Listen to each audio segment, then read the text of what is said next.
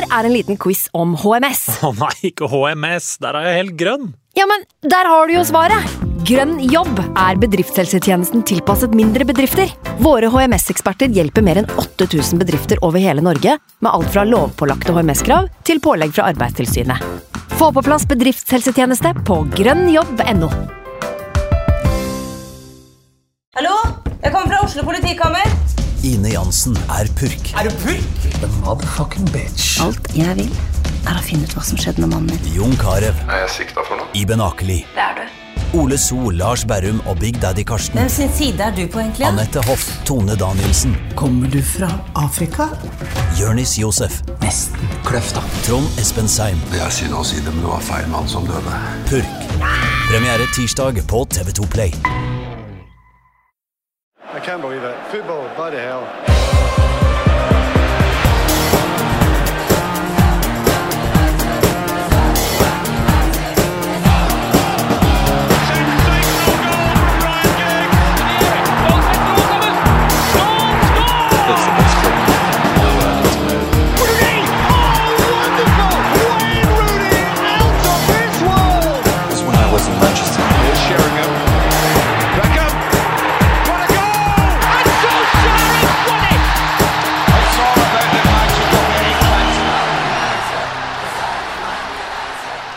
Velkommen til United We Podcast. Lite gravøl etter FA Cup-finalen.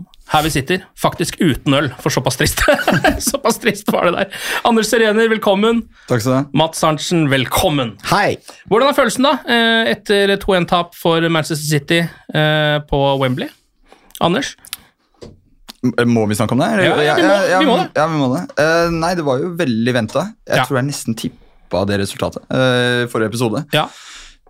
Men det var jo kanskje ikke venta at det skulle skje etter 3,5 sekund. På en måte, At kampen skulle være over så fort. da. Jeg Men, liker at du føler at du må overdrive, for det var faktisk 13 sekunder. Eh, eh, føltes sånn. Det Ja. føltes sånn. det var så å si rett fra avspark. Jeg, jeg tror ikke Mats hadde satt seg ned engang. Nei, Jeg hilste akkurat på Halvard Dyrnes og hans venner på Lincoln pub. Der eh, det var, dere hadde stelt i stand en liten avslutning som Ken ikke valgte å møte opp på. da. sånn var det. Men uh, uh, satt, satt eh, meg sete, akkurat idet rumpa traff setet. 1-0. Ja. Gundogan. 1-0 Gundogan. Jeg føler at uh, min spådom var sånn eh, tre minutter Rodri. Men eh, 13 sekunder Gundogan, det er noe annet, men det er ikke så langt unna, føler jeg. Nei. Det er uh, litt sånn i samme, sånn samme tanke. Det kan er, det blir litt sånn, det er sånn mår og mink og røyskatt. Det er, liksom, det er i hvert fall frykt Pels er det i hvert fall. det er helt riktig, de er i samme eh, familie, på en måte. Det er, det er pels på alt sammen. Eh, hårete opplegg, rett og slett. Eh, ok, men eh, vi kan jo starte litt med eh, bare den følelsen av å være i en sånn FA Cup-finale igjen, fordi når kampen starta, så Altså, jeg var jo eh, På forhånd på en måte hadde jeg egentlig gitt opp allerede. Men idet kampen starta, så var det liksom Var det litt gøy igjen. For det er det der visuelle aspektet med Wembley og 30 000 bøtteluer. Det var masse bergensere, følte jeg. Det så ut som Ullevål. ja, det gjorde nesten det. De der hattene og Jeg syns, de bergenserne holdt også på med det der. Ja, Det gikk jo bra for de. Bergensere er jo glad i bøtteluer, de òg. Men jeg føler at det var liksom rent sånn det, så, det var jo eh, Ramma var der, på en måte. Ferguson var der. Ferguson var der. Det var storhet. Det var det. Eh, Så det så jo fryktelig deilig ut. Og så hadde jeg liksom en, et håp om at det kanskje den følelsen skulle vare i mer enn 13 sekunder. da. Mm. Men det gjorde Hater den jo ikke. følelsen bare varer i 13 sekunder. 13 sekunder er for kort for, for, en, for enhver følelse. Du kan ta laget litt sånn kjapt, bare fordi eh, altså det er jo De Hea, Van Bissaka, Varan, Lindeløf Shaw eh, bak der. Casemiro, Eriksen, Fred. Så er det vel Bruno Sanchez og Rashford som egentlig utgjør det offensive, da. Eh, noen som var skuffa over at eh, Alejandro Garnaccio ikke starta, f.eks. Ja, men det var litt sånn Det, det, det her blir eh, ja, Tuesday morning quarterback nå, da. Ja. Men eh, det, Ja, du kunne kanskje hatt noe fart og ditt og datt, men hvis man ser på kampen United spilte, da Jeg syns jo det City, som pleier å dominere kamper veldig Riktignok så gjorde de det ganske mye i starten. Mm. jeg syns ikke de dominerte så voldsomt som de kanskje har eh, eh, for vane å gjøre, da. Um, så får United en komisk straffe, skal snakke mer om det. Men sånn hvordan den matchen var, og at han kom inn seinere ja, det er enkelt å si i etterkant at han burde Ja. spilt. Og så er han jo en slags, han har jo vist seg å være en slags sånn supersub òg. For han har jo prøvd, han har jo starta en del kamper og kanskje ikke vært like liksom, mye impact i det som når han faktisk bare kommer inn fra benken. Nei, og Det er veldig lett å se ok, hva tilfører han nå. Han kommer inn, er rask, eh, en ny trussel i, i et annet kampbilde, men hva hadde de mista hvis han hadde spilt? Altså, Den taktiske forståelsen der de har eh, tre Altså, de har Fred i, i tillegg, da, for eksempel. For det er vel det er vel nok han som hadde røket ut, da, Ja. sannsynligvis. Mm. Eh, hadde de tatt ut eh, Sancho, for eksempel, hvor stor forskjell hadde det vært? Skulle Eriksen forsvunnet? Han sleit jo kanskje litt av og til. Mm. Så um, ja, jeg, kanskje, men jeg syns uh, Ten Hag klarte å komme med en kampplan som fungerte veldig bra mot City, Ja. sånn totalt sett. Ja, og de henter seg jo ok inn, da. Etter å, liksom sånn, det er jo ikke lett å starte en match, og så ligger du under f fra avspark, liksom. Eh, Nei, og, altså Kampplanen fungerte jo egentlig ganske greit, og den der tre, målet etter 13 sekunder, så eh, det er ganske mange tidligere kamper mot City hvor jeg tror det kunne endt med en Why Always Me-type kamp. Altså Ja. Hvor du bare Ok, men altså, det her skjer jo ikke, liksom. Spillerne gir opp. Og det, men det, man så en reaksjon, og man så jo at det fungerte. Det er bare at City er veldig mye bedre enn Manchester United akkurat nå. Ja, men samtidig, hvor ofte har man sett eh, disse derbyene hvor United faktisk eh, ser ut til å kunne være, litt på høyde i deler av kampen, da, og ha ballen litt og, eh, og, og sånne ting. Ehm, der syns jeg plutselig er det et United-lag som har noe eget de ønsker å spille på. En, en, Et presspill som virka ganske smart og gjennomtenkt. En måte å stenge av på eh, som virka som en ålreit plan. Skapte litt lite, da, må det være Ja. lov å si, i store perioder. Uh, og ikke like sånn uh, power kontringsspill, men de baserte jo ikke hele spillet sitt bare på kontringer, sånn som de har gjort veldig ofte. mm. Jeg skjønte vel at da blir vi kanskje overkjørt, da, hvis vi ha Altså hvis ikke vi tar vare på ballen de gangene vi kan ha den, så er det vel litt kjørt mot Manchester City, tror jeg. Rett og slett. Altså, jeg tror ikke det er så lett å spille mot i da. Eh, Jeg vet ikke, det, eh, altså Hvis man på en måte ser på det litt sånn, sånn prøver å legge resultatet litt bort da, og bare ser på det som en slags sånn Ok, hvor er Manchester United versus Manchester City akkurat nå, ut ifra den matchen? Er det en litt bedre følelse, på en måte? Ja, Kanskje. Altså, du ser jo fortsatt at det er et enormt uh, nivåforskjell. Ja. Men så ser du også, som Mats eh, sier, da, at United nå spiller skittspill. Og det fungerer i store perioder. fungerer, men altså det ser i hvert fall ut som noe eget. Og bare det i seg selv er ganske deilig, egentlig. Par signeringer nå i sommer, så tetter vi den avstanden enda mer. Ja, vi får håpe på det. Vi må gå gjennom eh, noe av det som skjer i matchen. da. Eh, selv om vi har jo for vane å ta ganske raske oppsummeringer av tapsmatcher eh, her i United Podcast. Det er ikke like gøy som en, som en seier å sitte og dvele ved alle de bitte små situasjonene som endte opp med at det gikk til helvete. Men kom med det. Men tar noe, da. 13 sekunder, Gundogan banker inn tidenes raskeste score i en FA-cupfinale. Er det en keepertabbe? Det kan vi jo ta. Først er det- altså det er jo fra avspark tilbake til Ortega, som står cupmatchene til City. Um, sender den langt opp mot Brauten, vel. Som uh, header mot De Bruyne. Lindeløf er inni der. Ballen havner hos uh, Gundogan, rett inn på volley. Um, om dette, jeg vet ikke hva dere tenker om keeperspill til det her. Vi skal jo komme tilbake til det andre målet også. Keepertabbe er det ikke, men det er eh, Det er jo ikke sånn at man tenker sånn man, man snakker, Når han får så mye ros for å være så god på streken, med tanke på alle de andre begrensningene han har, så blir man jo kanskje litt sånn eh, eh, Det her var ikke overbevisende, eh, men det er et godt skudd av Gundogan også. Og så kommer det, jeg tror det, Ikke bare fordi det kommer så fort uh, i selve matchen, men også fordi det skuddet er så rapt. da. Mm, Så tror jeg mm. det kommer overraskende på han. Du ser Han rekker jo faktisk ikke å reagere. da. Og han er jo altså sånn, jeg vet ikke, altså, Akkurat reaksjonsevnen til David Hea er vel hans sterkeste del av spillet. han driver og fryser hele tida. Altså, han får sånn der post. Var det du som sa det, Anders? At plutselig er det bare Så er det en, står han der da, og, og Men jeg tror det er derfor folk tenker at det blir keepertabber òg. For han, det er han som får det til å se sånn ut. Som at han liksom bare ja, fryser, da. Så ser han alltid bare den ballen gå inn bak seg. Ja. Men, og jeg tipper at G hadde hatt en mye større sjanse for å ta den i det 58. minutt. Ja. Så åpenbart, Når liksom. kampen er i gang, liksom. Når kampen er i gang. Det er nok noe med det. Eh, og så starter jo City ganske hardt. da. Eh, de har jo en uh, mulighet også etter uh, fire min, et frispark til Rodri. Det var jo dette jeg mente skulle bli første mål i matchen, egentlig. Ja, det var det som skulle vært det. Det var jo det. Heading som går rett på utsida av eh, stanga, som De Hea ikke hadde tatt. Voldsom heading. En voldsom heading også. Um, og så kom jo da Manchester United straffe etter en halvtimes uh, spill. og den er et innlegg da som havner hos uh, Avaron Wambisaka, som header den Altså, han stusser den bare litt sånn på måfå, og så land, er Jack Railish der. Eh, om har en liten er vel en reaksjon, rett og slett. Bare armen hans bare går opp, så vidt jeg kan skjønne. Ja, og ballen er så vidt borti noen fingre på Ja. kanten av 16-meteren. Ja. Man kan, det, jeg, jeg forstår at reglene er sånn at det kanskje er straffe, men det skal, skal ikke være straffe på sånne situasjoner. At en ball blir heada fra så kloss hold i den situasjonen, ut, det der hvor Altså, det er, vi skal, det er ikke en promille expected goal Nei. av noe ut av den situasjonen. Blir plutselig da, hva det er på straffe, 78% sjanse for å score. Mm. Sånn bør ikke fotball være, sånn skal ikke finaler avgjøres. Hvis uh, man som United-fan hadde opplevd det andre veien, så ville jo alle tenkt at det var helt, som hører på denne podden, da, at det er helt fullstendig idiotisk, og det er jo fullstendig idiotisk. Og det, har, jo og det burde- har jo skjedd mye denne Ja. sesongen. Ja. Jeg mener jo at, sånne burde, at det burde vært en regelendring, og at det burde vært indirekte frispark eller et eller annet sånt på sånne henser. Ah. At all hens er indirekte frispark, for eksempel. Da. Så lenge den ikke er på streken, f.eks. Ja, at det ikke er villig hens. Ja. Eller altså at, at man da kunne fått ut noen marginer på at eh, færre sånne teite hendelser blir straffe, da. Så hadde man kanskje sluppet å diskutere så mange sånne. Jeg liker den ideen, fordi eh, nå har jo det med indirekte frispark innenfor 16 har blitt borte. Eh, før så var det jo på tilbakespill, mm. eller på obstruksjon inne i 16-meteren. Var det det òg? Ja, det var det en periode. Spicy. Men nå er det tatt bort. Nå er det eh, bare egentlig vanligvis ingenting, og hvis det er en veldig klar obstruksjon, så blir det straffe noen ganger. Tilbakespill er jo fortsatt en regel, men det, er- det tas ikke på lenger.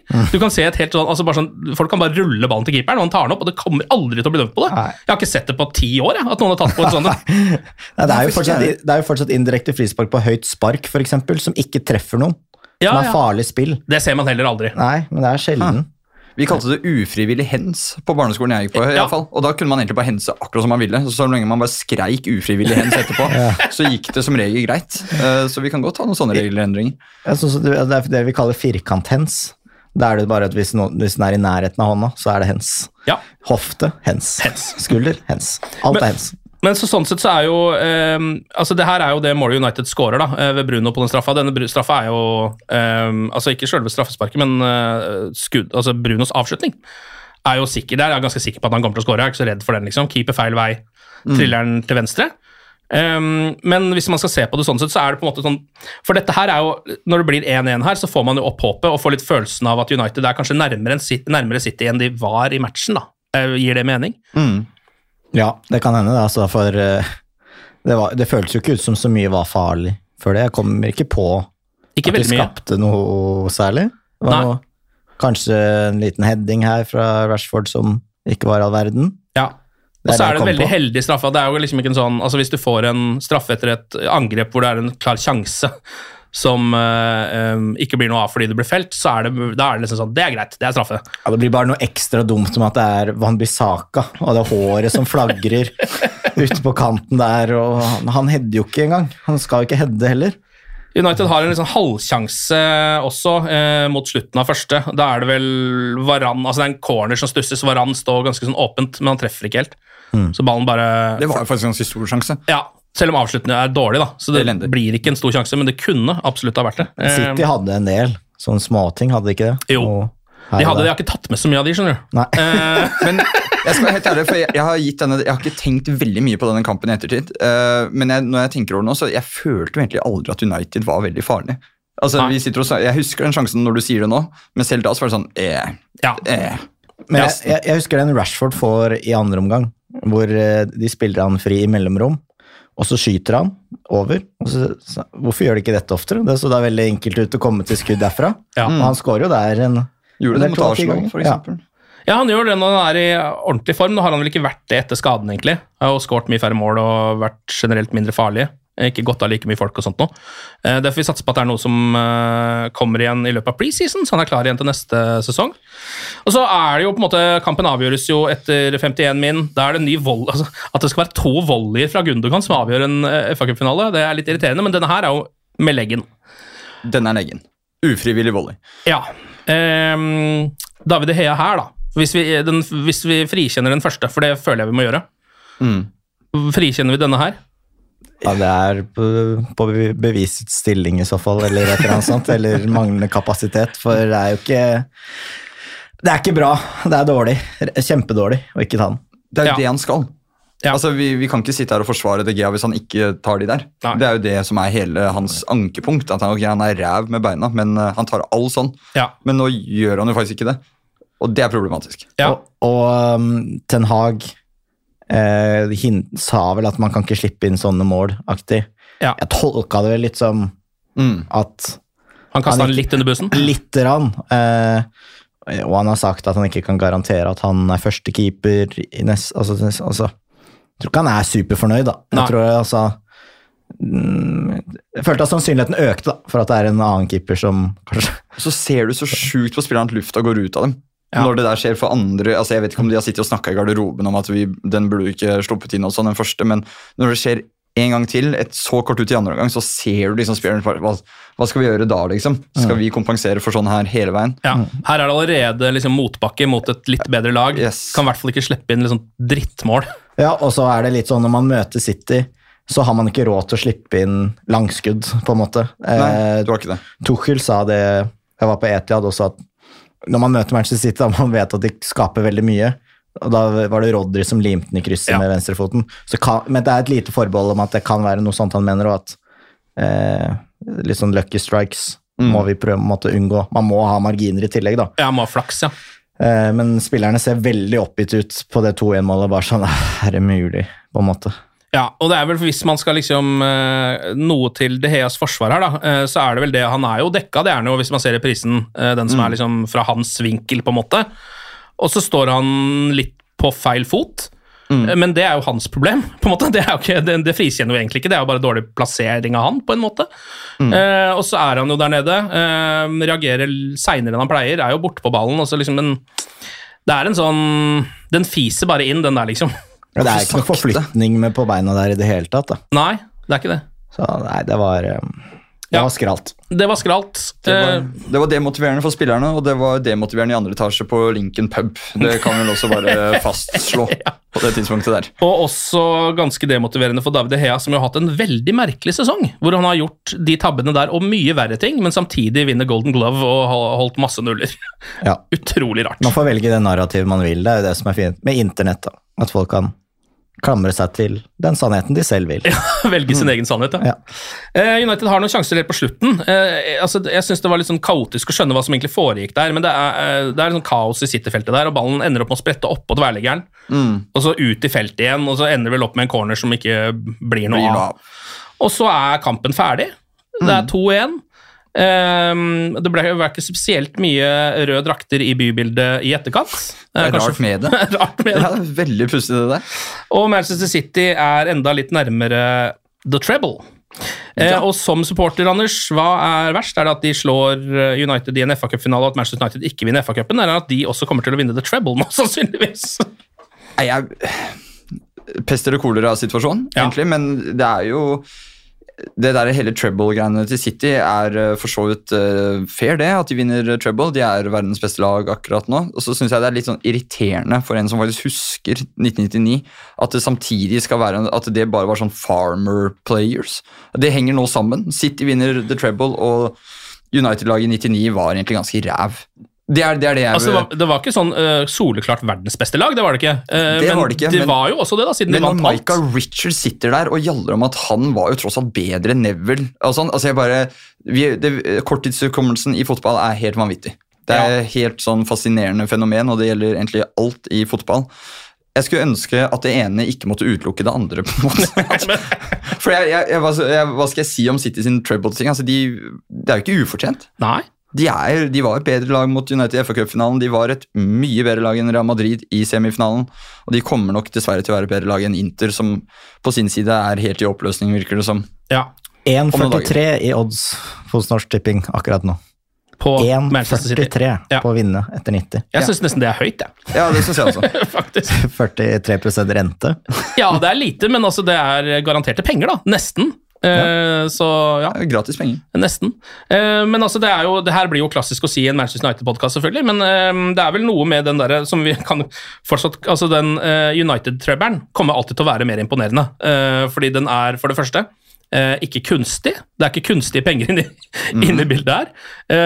Og den er også sånn på et tidspunkt hvor fotballen på en måte var jevnere. Altså Manchester United var ikke det solklart beste laget i Europa akkurat da. De bare klarte på et eller annet merkelig vis, med masse flyt og masse rare ting, å stikke av med eh, hele sulamitten. Skulle jo ikke slå Juventus, eksempel. Skulle jo egentlig ikke det. Altså, eh, Bayern München skulle man egentlig kanskje heller ikke I slå. hvert fall ikke. Det er en ganske stor forskjell. Da. Altså, hvis man ser bort fra det at Haaland er Haaland i, nor i norsk eh, sammenheng, og alt hvor imponerende og fascinerende han som person er, da, Ja.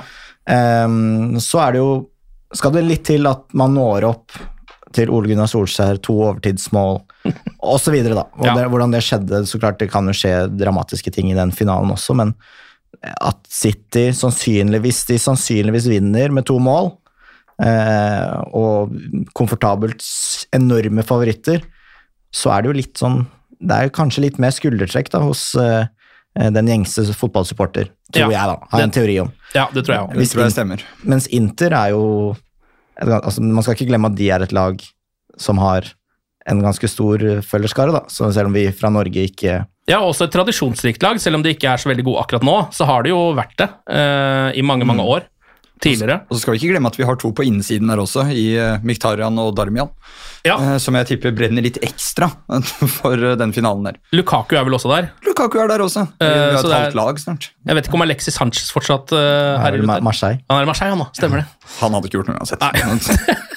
Ja, ok, Men sånn var det med den. Det var uh, sesongens eh, siste match, og jeg er sånn passe optimistisk, egentlig, eh, foran neste sesong. Jeg ser ikke noe grunn til å ikke være det, bortsett fra det jævla oppkjøpet eh, og transfervinduet som kommer nå. Ja, for alt det kommer vi vel tilbake til senere. Jeg vet ikke om vi gidder å snakke om det i dag. Det har mye, det har ikke skjedd noe nytt der. altså vi vet jo ikke oh, ja, oppkjøpet, nei, nei, men Det er mange grunner til å være pessimistisk uansett. Det er det alltid. Ja, akkurat nå så velger jeg å være sånn delvis optimist. Det jeg føler den kampen der er kjedelig å si etter å ha tapt mot liksom, på en måte byrivalen sin, men det, det kunne vært så mye verre også, på en eller annen måte. Vi tar med oss litt eh, diverse som er eh, både hyggelig og ikke så hyggelig.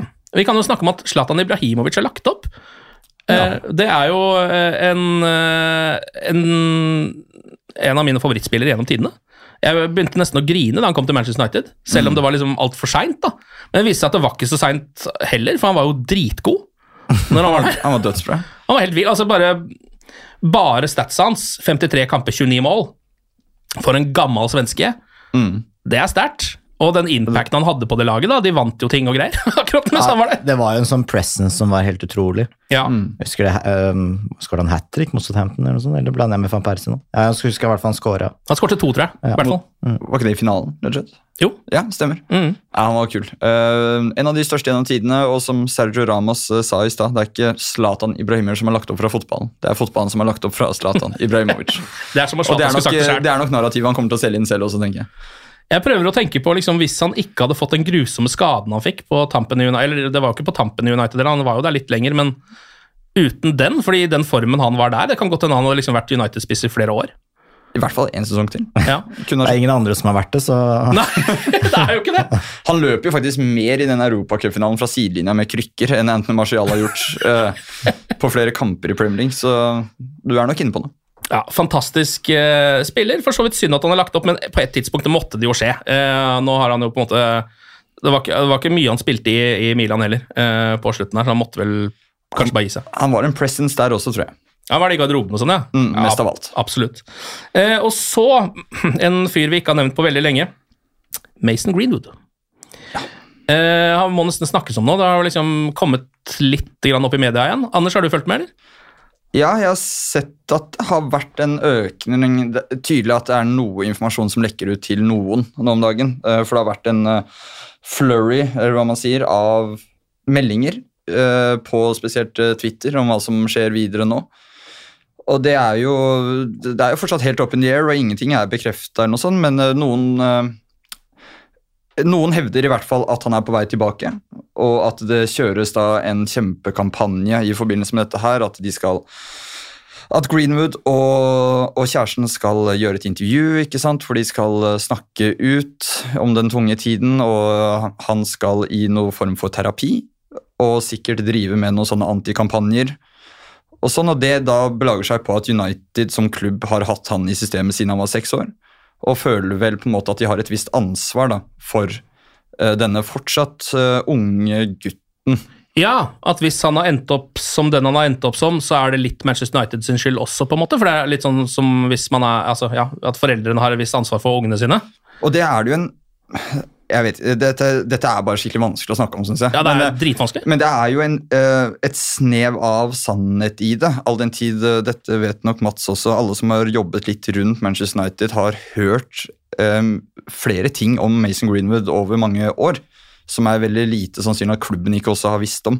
Og så er det ikke sånn at Manchester United som klubb skal ha ansvar for eh, Greenwoods oppførsel og enkeltpersoner og sånn, men um, det er jo mennesker i den klubben som er glad i han, vil jeg tro, som et menneske. eh, og kanskje ikke ønsker at han nå skal eh, forsvinne eh, totalt fra yrket. Om det blir Manchester United eller en annen klubb, det er kanskje ikke godt å si. Liverpool gjorde jo en gang i tiden litt lignende approach med Joe Flanagan, Ja. men det er det jo det, det var det jo ikke så mye snakk om all den tid han ikke var på forslaget på den tiden. Nei, det kan nesten ikke sammenlignes, for det er liksom På ingen måte. og det, sånn jeg tror, han har ikke, eller Enkelt sagt, da, det vet jo du, Mats, som er journalist, Joe Flanagan har ikke nyhetsverdi. Men jeg tror Mason Greenwood har det, for han er jo det nye store, kunne vært det nye store. da. Han var, ja, han, og, og Nike-athlete og Ja. altså, det, Jeg tror ikke Flanagan hadde den. Nei. eh, På ingen måte, og Altså. hva andre klubber gjør. eller andre, altså vi, Man kan heller ikke sammenligne, for det vil alltid være enkelttilfeller. Men det er rett og slett en uh, sjukt vanskelig situasjon. Og så er det jo spørsmålet om Manchester United skal nå begynne å forhøre seg med sponsorer, f.eks. Og det var en uh, kommentar i The Times, um, en nøytral kommentar, som uh, tok litt for seg hvorvidt det er veien å gå. Altså skal fotballklubber involvere sponsorer i sånne beslutninger? Vil det også sette en president som kanskje ikke er så lurt framover i tid? Er dette noe klubben må eie selv? Det er så mange aspekter her. Ja. Og så har vi samtidig alle hørt lydopptaket. Ja. Så det gjør jo på en måte noe ekstra med hele saken. da. Mm. Og det blir mange sterke følelser rundt det fra mange mennesker. åpenbart. Så er det jo mange interessenter i saken, så nå innom så er det jo sponsorer og sånn. Der kan man jo se på på to forskjellige måter. På en måte så kan jeg skjønne at Manchester United vil høre med sponsorene sine, for det er jo tross alt en klubb som drives av penger, som alle andre. Samtidig så er det jo en litt feig ting å gjøre. Hvis du skjønner at man skal ut og sjekke sånn Ok, syns dere det er greit? Ja, dere syns det er helt ok. Dere er litt på pluss. Da, da kjører vi han inn igjen. Ja, det er sånn at du ser an hva folk mener før du tar en avgjørelse. Ja. Og det er en etisk avgjørelse, dette her, Ja. føler jeg, da. Ja, det er en, en blanding av flere. Etisk, juridisk, Ja. eh, som kanskje er de to som står sterkest. Mm. Og så tror jeg at eh, vi ville løyet om eh, man ikke sier at det sportslige Også teller. Altså, I hvert fall noen i sporten fotball har et interesse om sport også, kan man jo Mm. mistenke i hvert fall. Ja, men gjelder ikke det alt? altså det, Innenfor det som man jo kaller for kanselleringskultur, da, så gjelder jo det veldig. Hvis man ikke er på en måte, hva skal man si da, eh, så relevant, så er det mye lettere for folk å kansellere deg. Hvis du er fryktelig god i fotball, så er det Jeg sier helt teit at det er sånn, men er det vanskeligere å gjøre det. Det, er jo, det, er jo, det tror jeg er enkelt forklart. Absolutt. absolutt. Og det juridiske her er jo håper å si, dessverre noe som gjør dette vanskeligere for Manchester United. Ja. Altså Nettopp det at eh, det, det er jo ikke sånn at han er frifunnet. Eh, I den forstand vi i Norge i hvert fall eh, bruker ordet frifunnet. Altså han, det, lot ikke, det lot seg ikke gjøre å gjennomføre saken for aktoratet og Ja. politiet. Og så vet vi ikke hva som kom fram av nye beviser. Det aner vi jo ikke. Og vi aner ikke hvorfor vitner trakk seg. Eh, Så er det lett å trekke noen slutninger der, syns jeg. Men vi vet ikke. Nei. Og det er det som gjør det så utrolig vanskelig å sitte og snakke om også. Det er veldig vanskelig å komme med altså, Å stå så langt unna og, og mene noe utover mye av det man har vært innom, da. Mm. Um, så er det um, Ja, det er, det er dritvanskelig å konkludere med tanke på uh, det juridiske, etiske og det dilemmaet, den skvisen man står i der, da.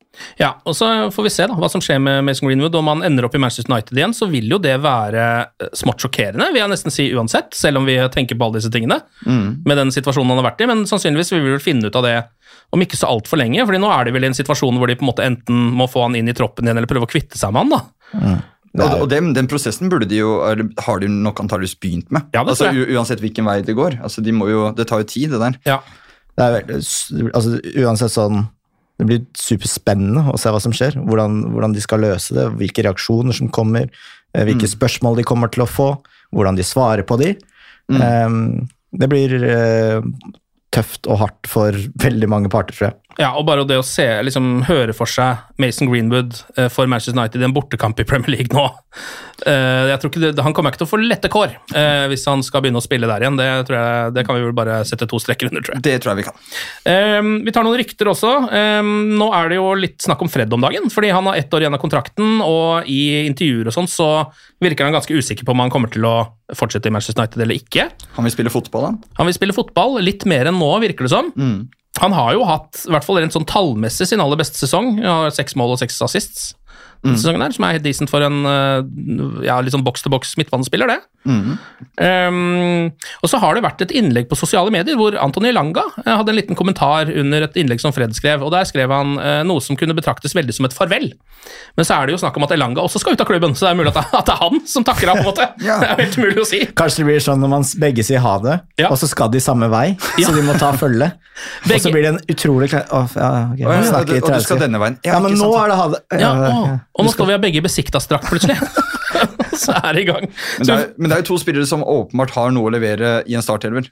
Antakeligvis bare ikke Manchester United. Ja, uh, Langa er jeg helt sikker på der. fordi han, han er bare ikke bra nok synes jeg, til å være en uh, squad-player en gang for Manchester United. Jeg vet ikke om dere er enig i det? Uh, Ja, man har, han har, det er vel en grunn til at han ikke har spilt på lenge. Ja. Uh, og Garnaccio virker mye råere. ja. Altså, man, her er det et mye høyere potensial. Jeg syns også Pelistri virker som han er, liksom, har mer å by på, men han er enda litt yngre um, og litt smartere og har sett, sett grei ut, i hvert fall når han har kommet inn, enn Elanga, da. Som Jeg jeg, blir veldig overraska hvis Elanga blir noe United-materiale. da. Ja. Det, det tviler jeg veldig sterkt på. Hva med sånn Fred, da? Jeg tror Fred kunne vært ekstremt viktig for Fulham. Ja. En, ja, men det, det mener jeg faktisk. Jeg, tror- Ja. jeg tror han kunne vært en sånn her, at øh, Det ville vært masse overskrifter om hvorfor i alle dager solgte United han. Ja. Men så tror jeg bare ikke at han noen gang vil få spille mer enn det han gjør nå i Manchester United. og det, Hvis Manchester United skal tilbake dit de skal være, og alt dette her, så, så må de ha en bedre kvalitet rett og slett, Ja. enn Fred. Men samtidig så er det litt sånn ja, hvor, Hvis man sammenligner med Eriksen, med McTominay, er det Fred som er den Det svake punktet. av de tre? Usikker. Um, og i et velfungerende lag. Mm. Hva, hvilken rolle han kan eventuelt spille da. Ja, Jeg syns, syns den er vrien, da. Jeg synes også det, fordi Fred gir jo noen muligheter bare sånn rent taktisk, føler jeg. Altså De kampene han spiller istedenfor f.eks. Christian Eriksen, da, som jo er mye bedre ballspiller, men med mye mindre tempo i beina. Uh, han løper jo mye, Eriksen òg, men det hjelper ikke alltid så mye, for så, det går så treigt. Jeg, altså, jeg syns han er litt sånn Kanskje litt undervurdert blant sånn supporterøyemed, da. Jeg tror, har en teori i hvert fall, om at sånn fotballkyndige folk kanskje har han som er høyere anseelse enn en typ mann, på, ja, mann i gata, da. Altså Fred? Ja, Ja. altså det, det er mitt inntrykk, da. Med tanke på at Guardiola har vært interessert før. Mm. mm. det er jo ikke så ofte du ser liksom, en manager som eh, Marco Silva som går, går av bussen for å snakke med Fred. Det virka jo litt søss, Ja. hvis det er lov å si. Oh, deilig bruk. Søss. Ja. og så um, Så ja, det, det, det har jeg en liten teori på. Så tror jeg at han ikke tjener på å hete Fred. Det er bra teori. altså Hvis han heter Fredinho, så hadde det vært bedre, eksempel. Ja, men han liksom het Jeg heter søren, jeg. Joao Palinja. Jeg skjønner litt hva du mener, for Fred er veldig sånn uh, mann i gata-navn. Ja, Der kommer Fred, Fred. der kommer Fred gående. Og det er liksom Maskotten til United heter Ja. Fred. Mens der kommer Rivaldinho, da sperrer man opp øynene, liksom. Ja. Men det er fortsatt deilig at vi har lagt bak oss den litt sånn tunge Fredge-perioden. Ja. Uh, som var eh, Det var ikke greit for noen, eh, og det må vi bare erkjenne. Det var Christ, Christian Nielsen sin feil, det. Fredge og Fernange. Fredge og Fernange. Det var, det var tungt, for, tungt for tunga eh, en periode der. Pep, ikke PP. Ikke, Pep. Ja, Pep, ja. Um, Harry Maguire, også muligens på vei ut. Um, der er det jo Altså, Jeg tror ikke det finnes så mange Manchester United-supportere som vil beholde Harry Maguire nå, uh, men han, vil jo for, han mener jo fortsatt at han kan kjempe om en plass. Noe som jeg ikke helt vet hvor, hvor han får fra. Fordi uh, um, Altså, hvis, hvis David De Hea er litt sånn Kanskje vi skal kvitte oss med han nå, så er Maguire liksom, det er jo en no-brainer. Han, han Ja. Virker ødelagt. Han gjør jo det, og så er han jo fortsatt fast for England, utrolig nok. Der spiller han jo også, utrolig nok, mye bedre. Eh, så nå er det vel sånn at Southgate har vært og snakka litt med han, så vidt jeg har skjønt, og mener at han burde eh, få seg spilletid, rett og slett. da. Eh, men så er det jo den forbanna lønna hans som er helt vilt høy. Han kommer til å være kjempegod i den, eh, hvis han går til en annen Premier League. Kjempegod, Tottenham skal være interessert. Alle, han kommer til å løfte de fleste, unntatt, de, unntatt City, Arsenal i hvert fall. Liverpool. Ja, Eh, vil jeg mene, da. Og han fikk ufortjent mye tyd i starten. Han kom inn og løste et problem de hadde hatt veldig lenge. United ble betraktelig bedre defensivt da han kom inn. Eh, og så har han blitt en meme, dessverre, dessverre for ham. Og det, jeg syns det er helt tydelig at han har blitt påvirka av det.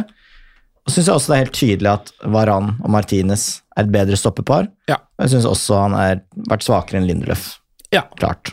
Egentlig. Lindeløf har vel endra rekord denne sesongen, der, er det ikke Anders? Truffet på flest eh, prosent pasninger. Ja, I hele Premier League. og det var sånn 93, eller det var noe oppi Ja, der. jeg la merke til at uh, Virgil van Dijk var langt nede på niendeplass. Eller noe Men han Ja. har litt lengre passing range og prøver på en del sånne ting, skal sies. Men det, det gjør Men jo Dijk har Lindeløf Lindeløf har også langpasninger, da. Ja da, han slår en del fine på Rashford i bakrommet og sånn. Ja. Han Men prøver eh, hvert Van Dijk er jo ganske ekstrem, da Liverpool har en annen, en mer direkte stil. Ja, absolutt. Mm. Um, ellers så kan vi jo ta noen av spissryktene uh, som har kommet nå. Nå er det jo klart at eh, Karim Benzema uh, sannsynligvis uh, stikker fra Real. Ja, den er ganske klar, tror jeg. Den er ganske grei. Nå Og- eier Saudi-Arabia-fondet de fire største klubbene, vel? Ja, Så det var noen som Jeg tror to- tolka det som en spøk at de skulle ja, var veldig ute etter Jacob Murphy og hva andre er det, Matt Target og alle Newcastle-spillere som ikke spiller lenger. Ja. um, Gir mening, det. Men det gir jo ringvirkninger da i hele spissgamet eh, når Karim Benzema plutselig stikker, for det betyr jo at det er en ledig spissplass i Real Madrid. Ehm, og så vet man jo ikke hva som skjer med det. Uh, kan jo hende at de prøver seg på Erling Braut Haaland, men det skal jo jeg tenkte mye med til. en gang nå blir det Kane til Real Madrid. Ja, jeg også. Ja, for det er jo det andre. Men altså, vil- dere gått fra den gyllen altså, Han er to sesonger, to, kanskje bitte litt av tredje sesong, unna å ta share-rekorden. Ja. Mm. Sier man fra seg det, på en måte? Altså, nå er jo fyren en, Han har jo ingenting på troféhylla. uh, så det er ikke sikkert at dette er så farlig heller. på det. Jeg vet ikke. Jeg vet ikke. Hvis han har vært ute etter masse pokaler og stått i masse bøker, og sånn, så har han kanskje tenkt på det for lenge siden. Ja, Hvis du, altern- altså, du går til Real Madrid og vinner Champions League, eller Ja. Liksom, Men jeg vet da søren. Men han virker så sjukt britisk. Altså sånn her, eh, Av alle briter så er han den mest britisk. på en måte. Han vil jo ha den rekorden når han først har vært Hva skal han med trofeer nå? Nå har han sett, holdt på der i 10 år, 15 år uten. Ja. Jeg ser for meg at han, jeg ser for meg at han ønsker å bli. Og vi har, jeg føler at jeg, Disse Kane-overskriftene har jeg lest nå i hvert fall fem-seks år på rad. De Ja. nøyaktig samme overskriftene. Uh, og Levi vil jo ikke selge han til noen, så han, han blir jo. ja. Ser jeg for meg. Det ser i hvert fall mindre og mindre sannsynlig ut at han skal ende opp i Manchester United, da, for det var jo et eh, ganske hett rykte lenge, og en periode så så det vel også ut som det kanskje kunne skje.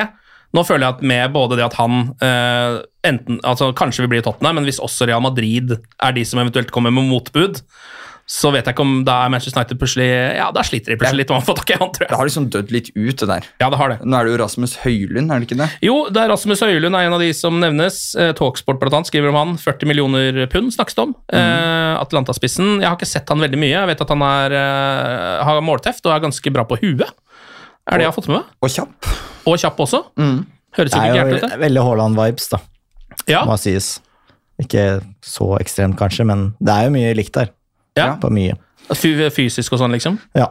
Men så er det, er- det er jo han, og så er det også menn, da. Ja. Som alltid. Og er det en til jeg har glemt? Ja, ikke det er to til som har dukka opp. Nå er det jo Gonzalo Ramos, altså mannen som tok eh, Ronaldos plass uh, i VM. Um, og så har vi jo Randal Kolomuani, mannen som bomma på verdens største sjanse i VM-finalen. Ja. Men han er bra, da. Uh, altså, angivelig. Jeg har ikke sett han kjempemye, han heller. Han har, så, han har så utrolig rar spillestil. Altså Jeg digger spilleren, men det er sånn helt umulig å si hva han egentlig er best på. Men han er god på alt. På en eller annen måte. Han, Som er det samme han sa om Harry Kane i ca. sju år. ja, sant. Så kanskje han kan bli en ny sånn. Så skal jeg bare ønske at jeg ikke hadde sett både Ramos og Moami eh, nakne på Twitter. Hvorfor har du, hvorfor har du det? De surrer det til og sender ting til folk som lekkes ut. da, vet du. Og da dukker det opp på feeden min av unaturlige grunner. Gode gamle dickpics, eller? Ja, det vil jeg påstå. Ellers så har også eh, det blitt sagt at United følger med på situasjonen til Leon Goretzka, eh, som skal være litt usikker i Bayern München. Virker som han vil bli der, men han har ikke fått noen ny kontrakt osv. Hm. Han er jo en eh, Fantastisk spiller. eh, fantastisk bra spiller. er han ikke? Er i hvert fall, jeg har alltid tenkt på han som en sånn beist for Bayern. Hm. Og sterk, eh, ganske rask, skårer litt mål. Ja, han er liksom, han er litt pakka, da, Hm. som en midtbanespiller. Og så har det vært en sånn historisk god ting for United å kjøpe store spillere som ikke vil dra fra klubben sin, men bare må. Eh, Ja. det, det har jo alltid liksom vært en sånn herre Den har vi sikta oss inn Det på. en måte. Ja, den, den pleier å sitte som et skudd, så hvorfor ikke bare fortsette med det igjen? Ja, Ja, Det er sant, de har gjort det mange ganger. ja de har det. Det har ikke pleid å gå så bra, det. det føles liksom ikke veldig gøy ut heller. Det blir veldig spennende å se den sommeren her, da. Eh, Nå er jo ryktekjøret i gang for fullt. Snakkes om at de plutselig skal ha ny venstrekant, hvor det er 18 spillere allerede. Ja. Og, det er vel, og da kan man jo begynne å tenke, betyr det at Greenwood er tilbake? Betyr det at Rashford skal spille spiss? Mm. At de ikke har de pengene som skal til for å hente en, en skikkelig spiss? Blir det som en slags nødløsning? Victor Boniface, noe sånt. Han er jo fader meg gjort det knallbra i Europaligaen. En ny runde med, med eh, Eh, B-vare på spissplass, da, på en måte. Ja, altså det Rashford er jo liksom Ja, eller- ja da. Mm. Men det er jo Jeg føler er ikke det Altså Det der har jeg holdt på med så mange år nå, og ikke ha spiss. Jeg er så, jeg er så lei av det. Ja, ja, det så, det ja. så bare snakker vi om det hele tiden. Vi må ha spiss. Ja, må ha spiss. Det skjer det, Det er på tide med sånn van Persie, Zlatan uh, igjen. Ja, det er det. Men eh, ja, det er jo det som er problemet. at det er, virker som om Manchester United faktisk, altså Spisser er jo de dyreste spillerne i uh, fotballverdenen, så det virker som akkurat det har ikke Manchester United råd til. De har ikke råd til en ordentlig spiss! Men nå er det jo bare sånn For å krydre silly season enda litt mer, så er det jo dette som skjer i AC Milan om dagen også. Eh, Maldini som ble sparka til spillernes store frarykkelse. Rafa Leao signerte akkurat ny kontrakt. Det ryktes nå at han vil bort fra klubben. Ja. Hadde vært en Det er spiller! Det er spiller! Nok det en spiller venstrekant, selvfølgelig. som ikke vil dra fra klubben, men vet du hva? Bare få han over, altså. Det er litt surt med det Saudi-Arabia-kjøret og Benzema i Premier League. Oh, det hadde vært kult, altså. Det hadde vært helt vilt, da. Mm. Eh, men det skjer ikke. Nei. Ok, nå skal vi avslutte denne episoden med noe gøy.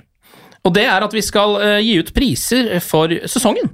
Det blir nemlig United We Podcast Awards her og nå. Nå burde jeg nesten egentlig hatt sånn candy shop i bakken. Dun, dun, tuk, tuk, tuk, så det er Ofte liksom- så er det sånn hvis man deler ut priser og sånn, så får man typ et intervju, eller at man får sendt en pris, eller så får man en avtale, da. Alle disse prisene skal sendes over. Ja. Det er det ikke noe tvil om. Eh, Jeg skal lage prisene, jeg vet ikke helt hva det er ennå, eh, men det skal jeg prøve å finne ut av. Eh, Jeg har en del sånne Manchester United Wonderbaums Det er nice. som lukter helt grusomt. Jeg lurer på om jeg skal sende over et par sånne, kanskje. Det er jo en, en hate crime. Altså, vi, vi, vi, vi kan ikke gjøre det fra podkasten vår. Men, det, men dette her er det altså dere som skal kåre. Jeg kommer også til å komme med noen innspill, eh, men vi starter med årets gjennombrudd. Hvem har hatt årets gjennombrudd i Manchester United? Eh, altså, eh, første jeg tenker på, er jo Garnaccio, da. Ja, den er eh, Som eh, Ja, hvem andre er det som er aktuelle der, da, egentlig? Det er nesten bare han, skjønner du. Ja. kan man, nei, det, det, det blir jo feil, da, men jeg vil jo si at eh, et litt annet sted i England så har det vært et United-gjennombrudd for Ahmad Diallo også. Ja, det er sant. Eh, selv om den Men det er et Sunderland-gjennombrudd. Ja. Ja, den er via via. Han vinner Sunderland-prisen, han. Han vinner Sunderland-prisen, Mm. men det, det, er, det er bare Garnaccio og han. Ja, men det er av andre så vil jeg kanskje si at Dalot har blitt en ganske stabil back. Sånn Ja. honorable mention- mention-aktig, men det er jo Garnaccio som er den soleklare, syns jeg, som Ja, man trodde jo ikke at han skulle være eh, Altså få en såpass stor rolle da, som han har fått denne sesongen. Nei, eh, han var jo en sånn spiller man hørte om, og eh, det var snakk om når han kom opp liksom, i Asdalen og hele den greia der, men at han var så bra, det trodde jeg ikke. Så vi håpe at han holder det nivået, da, for vi har sett en del unge spillere komme og bare sånn Oi, eh, hvor bra er ikke James Wilson? På en måte. Eh, ikke så bra, egentlig, men ålreit i starten. Så vi får håpe at han holder da, det nivået der, at han, blir- glemt. at han blir bedre. James Wilson. Nummer 49. Men da sendes en Wunderbaum eh, Alejandros vei, eh, så den er grei. Vi går videre til årets overraskelse. Der har jeg altså, noen kandidater, men er det noen dere har tenkt på? Jeg eh, I en positiv eller negativ forstand. Begge deler. Ja, Um, jeg, jeg tenkte litt på det, og jeg har lyst til å si Casemiro, nesten. Oh, ja. eh, og det er rett og slett fordi bare måten han har vært så målfarlig, altså hvordan han bare løfta den midtbanen så mye. Tenk hvordan vi snakka om det da han kom. Mm. Eh, det tok litt tid, og så men dæsken, altså, så Og hvordan United til og med har begynt å skåre på dødballer fordi han er inne i boksen. Det var sånn En sjelden gang, i hvert fall. Ja, bare hvor playmaker han er. Altså, det er et sånn Man tror jo at man ser Real Madrid ofte nok, og det gjør man jo. Men bare Ja, hvor Det burde vært i hvert fall Det burde være en overraskelse for United, i hvert fall. For hvis ikke så burde de ha løst det der ganske mye tidligere. Ja, Altså hvor ekstremt stor forskjell det er. Samtidig så er det også synes jeg, litt rart å sitte altså Jeg jubla så hardt jeg, da Casemiro kom, mens mange andre murra litt og var sånn Hæ, han er ikke noe Så var det sånn Er det overraskende at Casemiro er en av verdens beste midtbanespillere? Jeg syns egentlig ikke det er det. Det all, aller mest overraskende, syns jeg, da, er at hvor dårlig Jane Sancho har vært. Ja, det, ja Så det er den negative, ja. den negative prisen, ja.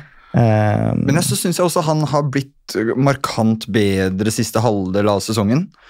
ja. Han har vel det. men det Altså- er jo rykter nå om at eh, United vurderer å slippe han allerede. Dortmund har begynt å se på å hente den tilbake. Ja, Tysklands Bodø-Glimt. ja. ja det er jo det. Aldri se for meg. Men eh, eh, årets overraskelse også for meg, Viktor Lindeløf. Ja. Som nå vi endelig har sett spille med en god stopperpartner. Og tror veldig mange har fått, en fornyet, eller fått et nytt syn på han som spiller. Uh, Aron Wambisaka. Ja, den er jeg også litt med på.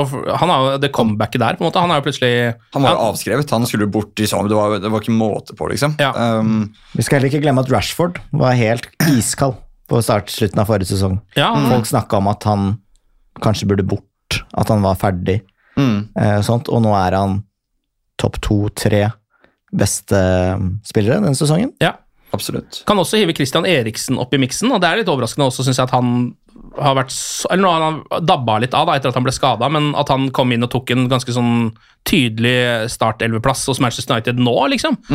Etter at han var død. Det er jo litt overraskende, det òg. Altså, eh, I negativ forstand, overrask Hadde du spurt meg ved sesongstart om jeg så for meg at Cristiano Ronaldo ville forlate stadion i protest og ha en uh, Piers Morgan-session om den tunge tiden, så hadde jeg sagt det, jeg ser ikke for meg akkurat det. Så det var også en litt sånn overraskelse, kanskje. Ja, det, her, Eh, det her blir litt vanskelig å kåre, faktisk. Men jeg synes, jeg, når jeg tenker over det, hvor ferdig Rashford virka, da. Ja. Hvor bra han har vært. Ja. Det syns jeg er den største positive overraskelsen for United Ja. totalt sett. jeg eh, stiller meg bak. Ja, Da kaster vi en Wunderbaum eh, Marcus Rashfords vei også. Og så skal vi til årets signering. Eh, og Da kan vi jo først nevne noen av de som har blitt kjøpt, da, så man husker hva som egentlig var nytt nå. Eh, Anthony. Casemiro, selvfølgelig. Eh, Lisandro Martinez. Malaysia. Vegors Dubrauka. har lyst til å ta noen av de. Eriksen, Sabitzer og Butland kommer jo også inn der. da. Eh, det, er for, det står vel mellom Martinez og Casemiro. Ja. Martinez eh, så utskilt som han var, og som har vært altså, knallbra, syns jeg, da. ja, han har det. Eh, Jeg synes han har vært helt han er, han er helt klink for meg. Ja. Angrepsspillet til United bare faller sammen når han ikke spiller. Eh, Ja. Eller det var sånn en liten periode, i hvert fall. Og, til Shaw begynte å spille stopper. til Shaw begynte å spille stopper, og all den derre eh, Twitter-hetsen, om man kan kalle det det. Alle de ekspertene, alle som bare mente at dette vil jo bare aldri fungere i Premier League på sin høye hest. Mm. Nei, han er årets signering for meg. Ja. Jeg holder Casmiro øverst, ja, du gjør det, ja? faktisk. Ja, jeg gjør faktisk Da blir det litt vrien, men det tror Da jeg må kan du velge. Ja, men Det kan jo være litt pga. skaden til Sander Martinez òg, tror du ikke det? At han liksom ikke har vært Kan med absolutt være. hele Han har jo sesongen. fått tre røde kort eller noe sånt, Casemiro. Har han ikke det? Jo da, han har i hvert fall to. Det har han også. Han har jobba, ja. han har jobba. Ok, men det, jeg synes det er eh, Bare fordi jeg er så glad i Casemiro, så er det vanskelig for meg å ikke gi han en pris. Jeg syns han burde sitte igjen med en pris. Leste du meldingen han la ut på Twitter? Noen sånn sesongavslutningsmelding? Ja, den var vakker. Sånn der eh, Altså, jeg er her, og vi skal, nå skal vi tilbake. Det var bare en sånn der emosjonelt nydelig Men husk, husk kampen mot Brentford 04. ja, Men det er pga. draktene. Ja, det er på grunn av draktene. bare husk den sesongstarten. Og så kom det en brasilianer Altså, han hev, hever laget så vanvittig. Forskjellen fra McTominay til Casemiro, da. Det er altså så skamfullt uh, stort. Han skal få seg en pris. Ja. Han skal det. Og Og det er også fordi jeg har en annen på årets spiller. ja, At jeg har lyst til å For det er der vi er nå. Eh, Det som er den gjeveste prisen, selvfølgelig, i UVP Awards. Årets Manchester United-spiller. Eh, Noen nominerte før vi begynner å eh, finne en vinner. Jeg vil jo i hvert fall kaste Rashford inn der. Han har, ja. var jo den offisielle årets spiller, var han ikke det? For Manchester United. Absolutt. Bruno Fernandes er nesten min favoritt, fordi han har vært eller sånn, en av Uniteds aller beste spillere gjennom hele sesongen, mens Rashford har vært litt skada, vært litt dupp på form på slutten. Bruno har spilt alt. Nesten ikke spilt en veldig dårlig kamp, kanskje bortsett fra 0-4 Og han burde burde hatt mye mer målpoeng hvis lagkameratene hadde vært litt bedre til å avslutte. Så Hvis spiss. Manchester United alltid en spiss. Mm. Vi er tilbake på den igjen. Så, um, og han, hvor bra han har vært når Ronaldo ikke har vært der. Det har jo vært natt og dag hvor mye farligere han er. Ja. Altså, det er helt vanvittig. Men eh, for meg så er det Luke Shaw. Oh, ja! Fordi det han er relativt sett den spilleren ut fra posisjon, eh, sammenligna med andre lag, den som har gjort det best. Han er den eneste, etter min mening, eh, av United-spillerne som er bør være inne på årets lag i Premier League, da. ja. Var han ikke også det? I hvert fall på noen av de. Ja, Det er jo forskjellige utgaver av det Jeg har sett 298 årets lag, og alle er like, bortsett fra én eller to spillere hele tida. Ja. Eh, Nei, så, så det er kanskje litt rart, eh, men altså mm, Hva mer kan han gjøre, da? Ja, nei, jeg er enig i det. Og det er jo, nå har han jo ikke bare liksom vært uh, venstreback heller, han har jo vært stopper og gjort det med bravur også. Mm. Eh, så han har hatt en glimrende sesong. Jeg hadde nesten glemt litt, Jeg faktisk. er enig. Var, Og Bruno har hatt enda råere sesonger. Eh, Ja da. Rashford litt varierende, Casemiro vært bra. Lisandro Martinez vært bra. Men eh, nei, jeg har Luke Shaw, jeg. Ja. Øverst. Anders? det, jeg tror det ja, jeg får veldig lyst til å være enig, men eh, for å være litt kontrær så blir det Bruno hos meg. For jeg tror at hvis du tar ut Bruno av det laget kontra tar ut Shaw, så er kollapsen større. Det er enig, men uten det er jo, da, er det, da er jo fordi han er offensiv midtbanespiller og Uniteds playmaker og kaptein i mange kamper, mot en fyr som er venstreback. Da. Det er jo, eh, så det er bare at jeg syns at hvis man skal sammenligne etter eh, oppgaver og roller, syns jeg han har vært den som har prestert best, sånn sammenligna med eh, de man kan sammenligne med. da. Ja, ja. Så det er i hvert fall ingen som på en måte velger Marcus Rashford. Er det fordi han har spilt for få kamper? eh, og vært, altså sånn at den Toppformen hans varte jo relativt lenge, men at uh, han duppa litt på tampen og vært litt skada, sånn, eller er det det som gjør det? Kanskje. Ja. Korttidshukommelsen i fotball. Ja, det er den som gjør det. Ja, jeg tror faktisk det, og det er litt det samme med Shaw også, for jeg føler det var litt mer fremtredende før nå sesongavslutningen. Men eh, du har helt rett, han har vært helt Kanskje mest imponerende hvor god han har vært som stopper. Ja. Altså Hvor fotballsmart han har vist seg å være. Han er jo en Lisandro Martinez light. Ja. Men Rashford er jo for så vidt eh, i årets lag i debatten, han òg, da. Det skal sies, det, altså. Absolutt. Han, jo, ja, han har vært ganske klink på det laget, jeg har sett mange steder. Så det er jo eventuelt da om du Noen jukser og kjører både Kane og Haaland. Hvis ikke så er han vel fort Det er fort Rashford og Saka kanskje som er i Ja. kanten. Ok, men da eh, skal vi gjøre noe som sikkert er ganske kontroversielt innenfor prisutdeling. Det er at dere to skal klumse om det blir eh, Luke Shaw eller Bruno Fernandes som er årets spiller. Den gjeveste prisen. Er det Mossemåten å si stein, saks, papir? Ja. Ja, Nydelig. ja. Stein, saks, papir! Og der ble det saks på Anders, Ja. og papir på Mats. Og det betyr at Brune Fernandes er, er årets spiller i United-podkastet Awards! Gratulerer. Ok, neste match den er faktisk i Norge. Eh, Nydelig overgang. det er spesielt. På Ullevål mot Leeds. Ja, det er neste uh, Rexham kommer senere, da. Jeg tror det, i hvert fall det var det som sto i oppsettet nå. Det kan hende det forandrer seg, da, fordi det, er jo, Ja, det her er jo liksom ikke så hugget i stein siden det er sånn preseason-kamper, vil jeg tro. da. Men nå var det, den er ute i juli en gang, uh, Ja. den matchen på Ullevål. Det var den som sto der nå som neste match. Den er jo spennende. Ja, er kjempespennende. Ikke å late som engang, men eh, det, det er jo det er gøy for folket å se United. Det eneste som er spennende med den kampen, er jo hvis det er noen nye spillere som spiller. Altså, det, men jeg kan ikke se for meg at de har fått inn noen allerede da. Ja. Um, Det blir vel Cobby Mainu og Zidane Iqbal, da. Ja, og Zidane Iqbal skal du ikke kimse av. Det blir fint å se ham. Og så er vi tilbake igjen så fort eh, det skjer noe. Det vil si vi er tilbake om en uke og tenker å ta litt eh, transfer-ting og sånne ting. Eh, Så det var det for denne gang, som det heter. Takk for følget. Nå kom jeg på at vi tapte den FK-finalen igjen. og det har Ja, du, du sang bokstavelig talt i Ja, jeg stolen ble, her nå. jeg ble nesten litt i godt humør igjen når vi snakka om hvor gode spillerne våre var. og sånn. Så Det er sol ute. Jeg kommer til å glemme det med en gang. Ja, ja, jeg. Akkurat nå så er det, det er så varmt i vårt podcaststudio at jeg føler meg litt som en svett pung med eh, fjeset til Kevin De Bruyne, det røde, røde fjeset hans etter 20 minutter av en kamp. Let me speak. Det er meg nå. Det er meg nå. Ok, Anders og Mats, vi gir oss for nå. Tusen takk for praten, og glory, glory. God sommer. Ja, god sommer.